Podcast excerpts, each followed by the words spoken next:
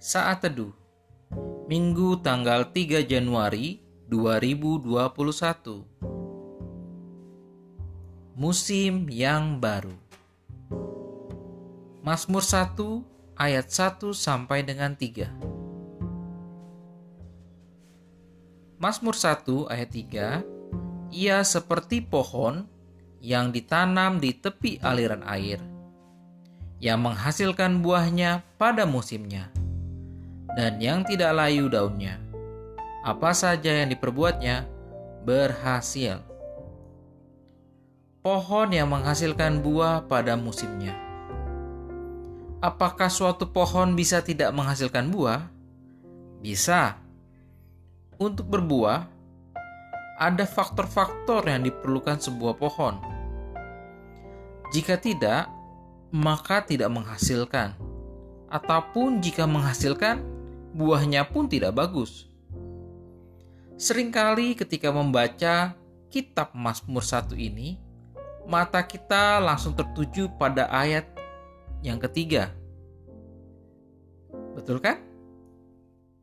Padahal ayat 3 ini merupakan akibat ataupun hasil dari ayat 1 dan 2. Dalam Mazmur 1 ayat 1 dan 2 demikian firman Tuhan.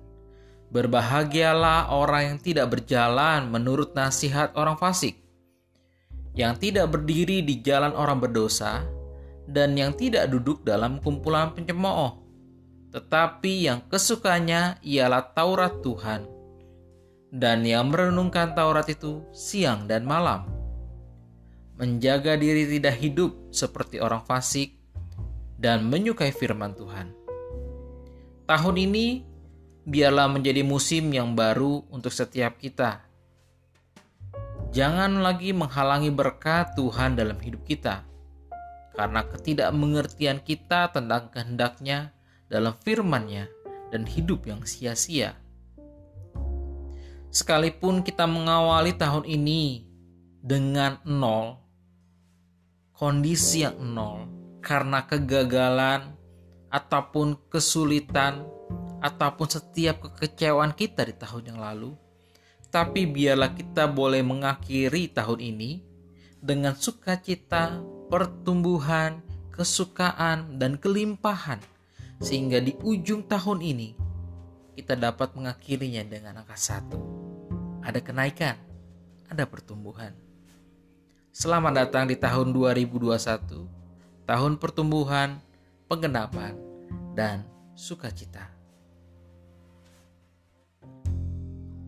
Selamat menjalani hari yang baru.